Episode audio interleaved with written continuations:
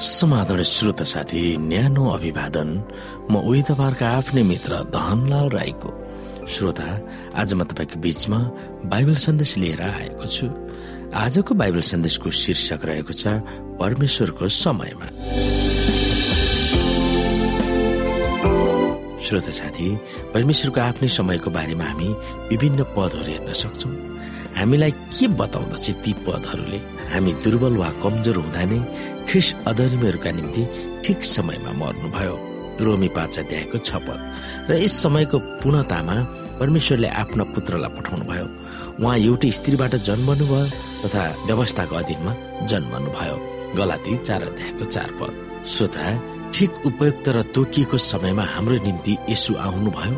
र मर्नुभयो भनेर पावलले माथिका पदहरूमा बताउँछन्। तर हामी मानवीय सोचले ती पदहरू पढ्दै अचम्म मान्न सक्दछौँ।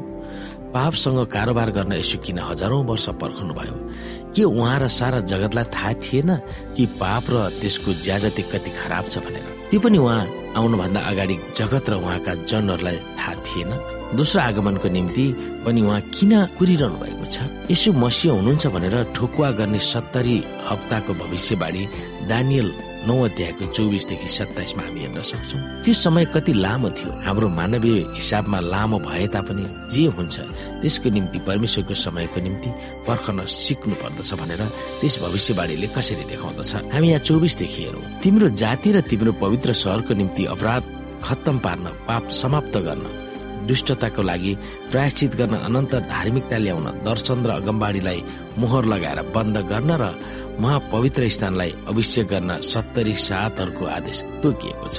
यो जान र बुझ एरिसिलेमको पुनर्स्थापन र पुनर्निर्माण गर्न यो आदेश जारी गरेको समयदेखि अभिषिक्त जन अर्थात् एक शासक नाउन्जेलसम्म सात सातहरू र बैसठी सातहरू हुनेछन्। गल्ली र सुरुङहरू सहित यसको पुनर्निर्माण हुनेछ।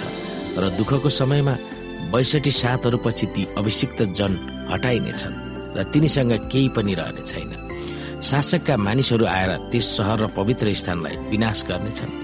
अन्त बाढी झै आउनेछ लडाईँ अन्तसम्म रहनेछ र उजाड स्थानहरूको आदेश जारी भएको छ। धेरैजनासित एक साथको लागि तिनले एउटा करारको सदर गर्नेछन्। साथको बीचमा तिनले बलिदान र भेटीलाई समाप्त गर्नेछन्।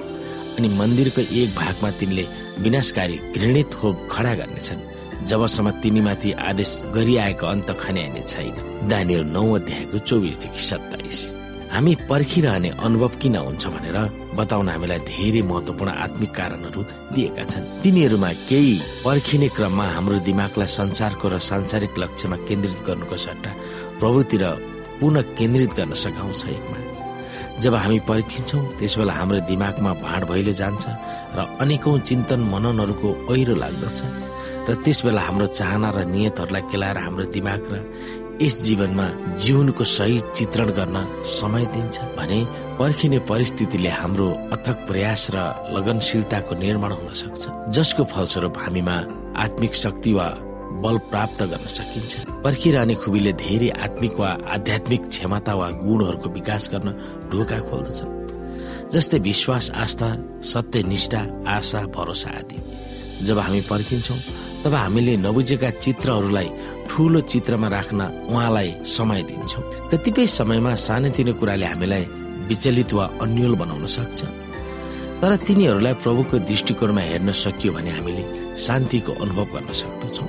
यस संसारमा कतिपय कुराहरूको निम्ति किन पर्खिनु पर्दछ भन्ने कारण हामीले कहिले पनि बुझ्न नसकौँला। त्यसकारण हामी विश्वासबाट जिउन सिक्दछौँ। अरू कारणहरू के तपाईँले सोच्न सक्नुहुन्छ? बाइबलमा के उदाहरणहरू छन्? प्रभुले आफ्नै समयमा काम सम्पन्न गर्नुभएको थियो। तपाईँको जीवनमा पनि उहाँको ठिक समयमा काम गर्नुहुनेछ भनेर पनि उहाँमाथि भरोसा कसरी राख्न सक्नुहुन्छ? अब्राहम र सारालाई छोरो दिने प्रतिज्ञाको बारेमा हामी सोच्न सक्छौँ। फेरि त्यसै बगत तपाईँले आफैलाई सोध्नुहोस् तपाईँले के गरिरहनु भएको छ जसले तपाईँको प्रार्थनाको जवाफ पाउन ढिलो भइरहेको छ र अगाडि नै पाउनु पर्थ्यो। त्यो विषयमा हामी सोच्न सक्दछौँ। हामीले धेरै समयहरू प्रभुको आत्मज्ञानलाई नबुझेर उहाँले दिनुभएको सन्देशलाई व्यवस्था गरेको कारण हामीले पाउनुपर्ने उत्तरहरू प्रार्थनाको उत्तरहरू हामीले ढिलो पाइरहेका छौँ। हामीले उहाँलाई माग्छौँ तर हामीले गलत तरिकाले माग्दछौँ। उहाँको इच्छालाई हामीले खोज्दैनौँ। उहाँको इच्छालाई हामी पुरा गर्न चाहँदैनौँ। तर हाम्रा धेरै समस्याहरू उहाँको अगाडि तिर्स्याउँछौँ राख्छौँ। त्यो गलत तरिकाले हामीले मागेको कारणले हामीले त्यो कुराहरू प्राप्त गर्न सक्दैनौँ। हामीले धेरै कुराहरू अध्ययन गर्नुपर्दछ। प्रभुको महानतालाई हामीले बुझ्नको निम्ति हामीले धेरै बाइबल अध्ययनहरू गर्न आवश्यक छ जरुरी छ। ती कुराहरूलाई हामी बुझ्न सक्दछौँ। श्रोता साथी आजको लागि बाइबल सन्देश यति नै। हस्त नमस्ते जय मसिंह।